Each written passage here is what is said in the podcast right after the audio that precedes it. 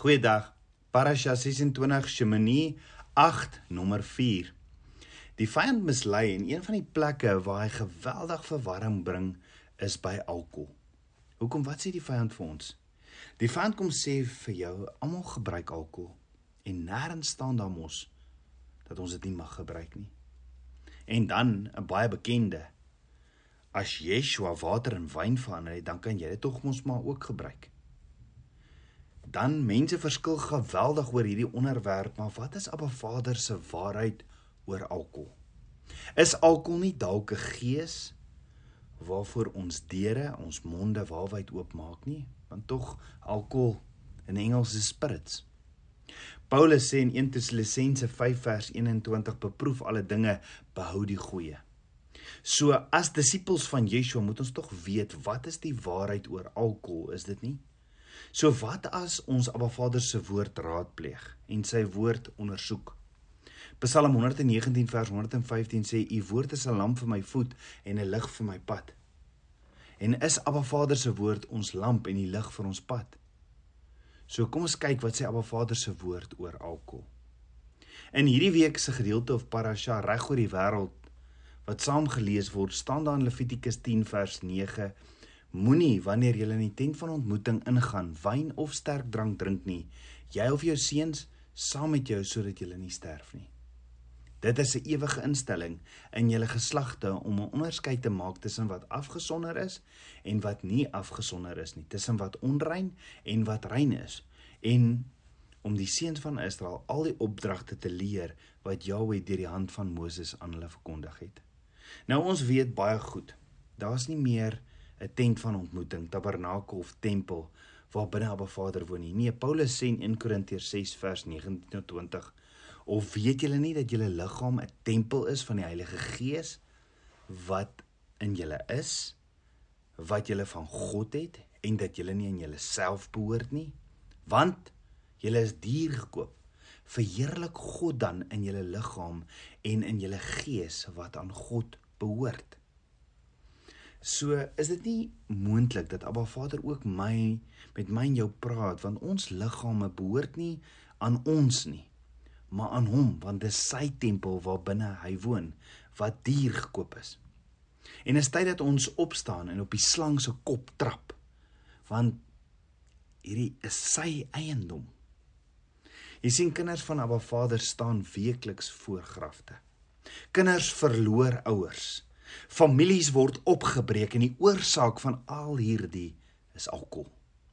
Hoeveel seer en verwoesting gaan ons nog verduur en toelaat voor ons sien, maar ons gee vir die vyand 'n oop deur om te steel, te slag en te verwoes. Want meer as 3 miljoen mense, hoofsaaklik mans, sterf per jaar as gevolg van alkohol.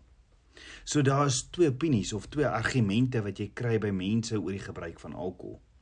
Die eerste een is daar mag geen drank oor jou lippe kom nie. Jy moet geheel onthou. Dan die tweede opinie wat jy kry is jy mag alkohol gebruik gebruik solank jy drank net matig gebruik en dit is sosiaal aanvaarbaar. Nou die rede vir hierdie opinie is die woord van Abba Vader leer ons tog dat dronkenskap en om dronk te word sonde is en nie om te drink op sigself nie want Yeshua het water in wyn verander. Hoekom sou hy water in wyn verander het as hy dit dan nie goedgekeur het nie? Dan word daar ook gesê dat Yeshua 'n wynsuiper was in die woord in Lukas 7 vers 34 omdat mense hom daarvan beskuldig het moes hy mos seker wyn gedrink het. Dan Yeshua tog die nagmaal ingestel met die brood en die wyn. Hoekom het hy dit gedoen as hy 'n probleem het met wyn? Dan Paulus sê ook in Timoteus vir Timoteus in 1 Timoteus 5 vers 23 drink bietjie wyn vir jou maag se ongesteldheid.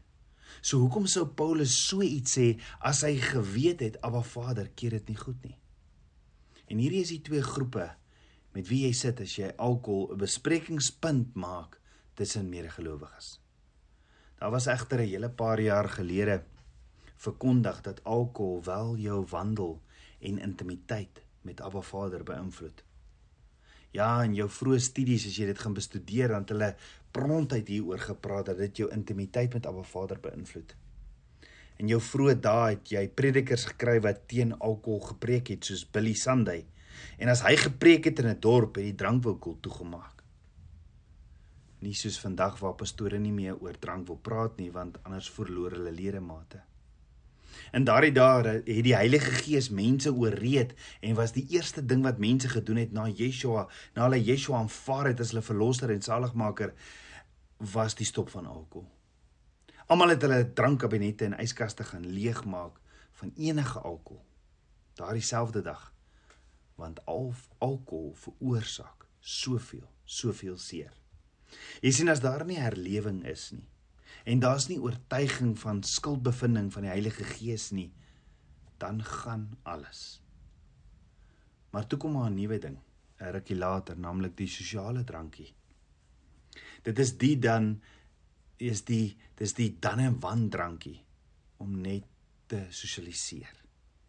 Maar Vader se woord sê in Galasiërs 5 vers 19 tot 21 en die werke van die vlees is openbaar, naamlik oorspel, hoerery, onreinheid, ongebondenheid, afgoderry, towery, vyandskap, twis, jaloersheid, tronigheid, naaiwer, tweedrag, partyskap, afguns, moord, dronkenskap, brasery en dergelike dinge waarvan ek julle vooraf sê.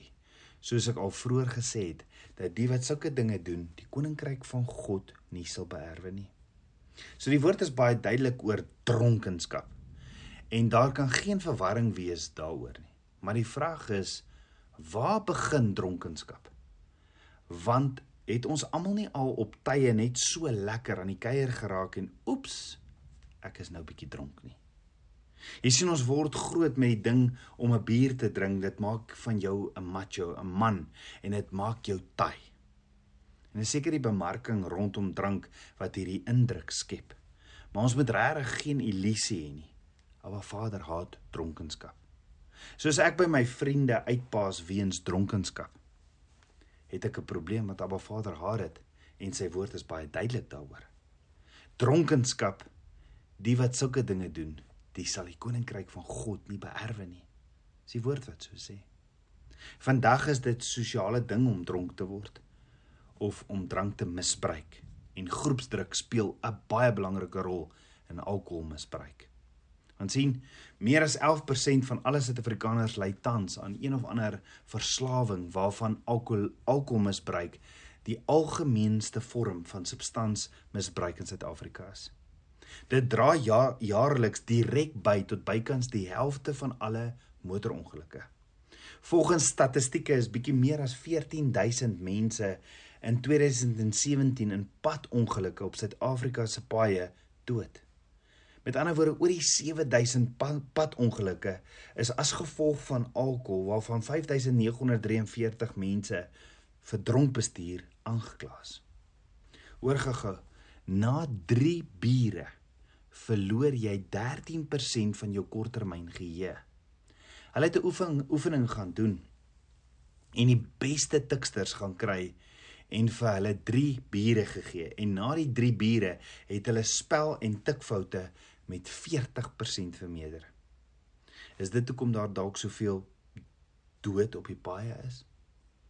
Alkoholmisbruik raak na beraming 17.5 miljoen Suid-Afrikaners. Meer as 30% van ons bevolking misbruik alkohol en loop die risiko om daaraan verslaaf te raak. Oor die 60000 mense sterf 'n jaar in Suid-Afrika as gevolg van alkohol. Dr Louis Averbach sê alkoholmisbruik het daaglikse effek op miljoene mense se lewens. Ons ekonomie, misdaadsyfers en huwelike. Skokkende feite wys dat 46% van mense in Suid-Afrika wat sterf as gevolg van onnatuurlike oorsake 'n verhoogde bloedalkoholvlak het. Dr Oeverbak sê verder, mense vergeet dat alkohol 'n dwelmmiddel is, net soos kokain, nikotien, tik ensovoorts. Dis 'n dis 'n maklike ontvlugting vir mense wat erge forme van stres ervaar omdat dit 'n dwelmmiddel is en mense begin dan geleidelik al hoe meer alkohol nodig kry om dieselfde ontspannende effek te ervaar. Alkoholmisbruik het Suid-Afrika in 2010 na ramming meer as 9 miljard gekos.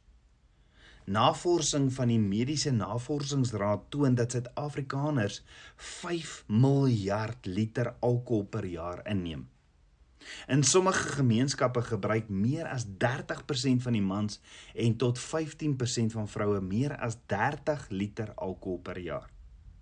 Nou as jy na hierdie statistieke kyk, verstaan mense hoekom Abba Vader in Hosea 4 vers 6 sê: "My volk gaan ten gronde weens 'n gebrek aan kennis, omdat julle die kennis verwerp het, sal ek julle verwerp." En dan sê Spreuke 23 vers 31 tot 32: "Kyk nie na die wyn as dit rooi rooiagtig lyk, as dit sy glans gee in die beker. Glad na binne gly nie, op die end byt dit soos 'n slang en spoeg gif uit soos 'n basilik. Maar Vader, haar die gebruik van sterk drank reg deur die Ou Testament en reg deur die Nuwe Testament verbied Abba Vader sy kinders om sterk drank te gebruik. Daar is geen verwarring in Abba Vader se woord hieroor nie. Die verwarring kom in wanneer die woord praat oor die woord wyn. Hoekom is daar verwarring? In die Ou Testament is daar 3 verskillende woorde vir die woordjie wyn. In Afrikaans en Engels het ons net een woord vir wyn. En voor ons kyk na die drie soorte woorde vir wyn in Hebreëus, kom ons kyk net wat is die Afrikaanse beskrywing van wyn? Die Afrikaanse beskrywing van wyn is 'n alkoholiese drankie gemaak deur die fermentasie van druiwesap. Die natuurlike chemiese balans van druiwe is sodanig dat dit kan gis sonder dat suiker, suur, ensieme of ander voedingsstowwe bygevoeg hoef te word. Wyn word gemaak deur geperste druiwe te laat gis deur middel van verskillende soorte gis. Die gis verorber die suikers in die druiwe en skakel dit oor na alkohol. Verskillende variëteite van druiwe en tipes gis word gebruik afhangende van die soort wyn wat gemaak word en natuurlik die hoeveelheid alkohol daarin. En so in Hebreëus is daar 3 verskillende woorde vir die woord wyn. Die eerste een is die woord tiros. Die ros beteken vars uitgedrukte druiweskap. Geen proses van fermentasie of gisting nie. Wat maak dat hierdie druiwesap geen alkohol alkohol sou bevat nie. Abba Vader noem hierdie wyn die nuwe wyn. Vars uitgedrukte druiwesap van vars druiwe. 38 keer kom hierdie woord in die Ou Testament voor. Elke keer wanneer Abba Vader sê julle skure sal oorloop van wyn, dan praat Abba Vader van tiros. Soos byvoorbeeld in Jesaja 65 vers 8. Sonder uitsondering, elke keer wanneer Abba Vader die woord wyn gebruik in 'n seën, is dit egte druiwesap. Dan die tweede woord vir wyn in Hebreëus is die woordjie yanin, ja, yayin. Beteken dit is wyn wat deur die proses van fermentasie gegaan het. Met ander woorde, dit is wyn soos ons dit vandag ken. 136 keer kom dit in die Ou Testament voor. Wyn of yahin word deur hierdie proses van fermentasie gegaan het, is totaal al anders as wat ons dit vandag ken. Die Bybelse tyd eh, was die proses van wyn hierdie fermentasie waardeur dit gegaan het totaal anders as wat ons dit vandag ken. So daar's 'n studie gedoen deur Robert Stein in Amerika om vas te stel wat was die alkoholvlakke in die Bybelse tyd en wat is die alkoholvlakke in vandag se tyd. In sy studie het hy agtergekom dat jy 2 glase wyn alkoholvolume van tussen 13 en 15% kan drink vandag om onder die alkoholvlak te bly sodat jy nog kan bestuur. As jy dieselfde maatstaf kan gebruik in die Bybelse tyd, kon jy 22 glase wyn drink om by dieselfde alkoholinname te kom. So 22 glase wyn in die Bybelse tyd is gelykstaande aan 2 glase wyn vandag. Dan 'n interessante studie wat gedoen is deur 'n universiteit in Amerika het gaan kyk na die proses van fermentasie om druiwesap druiwestap na wyn toe te kry. Die universiteit het ook die proses gaan vergelyk van daardie tyd en vandag en so lees hulle vir so lees hulle verslag. Dit was slegs in die middeleeue toe alkohol gereeld bygevoeg is by wyn of enige ander drank om die alkoholinhoud by 20% of meer te kry. Dit sou nooit in die tyd van die Bybel gedoen kon word nie, want hulle sou dit nie reg gekry het sonder meganiese inmenging nie. In die Bybeltye het hulle nie hierdie fasiliteite gehad nie. So al praat die woord van 'n wyn wat deur fermentasie gegaan het en 'n alkoholinhoud gehad het, was hierdie alkoholinhoud baie minder as vandag se. Maar wyn of jahin word nog steeds deur Abba Vader verbied. Al is dit 22 keer verdun teenoor vandag se wyn, waarsku Abba Vader nog steeds teen hierdie wyn. So om oor te ponder. Wat het gebeur met mense in Abba Vader se woord wat wyn jahin gebruik het? Kom ons bid saam. Abba Vader, skieper van my hart. Abba, ek loof en ek prys U. Vader, ek het U so so nodig. Ek smag na net U waarheid. Leer ons net U waarheid. Abba, kom was my met die waterbad van U woord. Meer en meer van U. Ek bid dit alles in Yeshua Messie se naam, die seun van Jahweh. Amen. Shalom.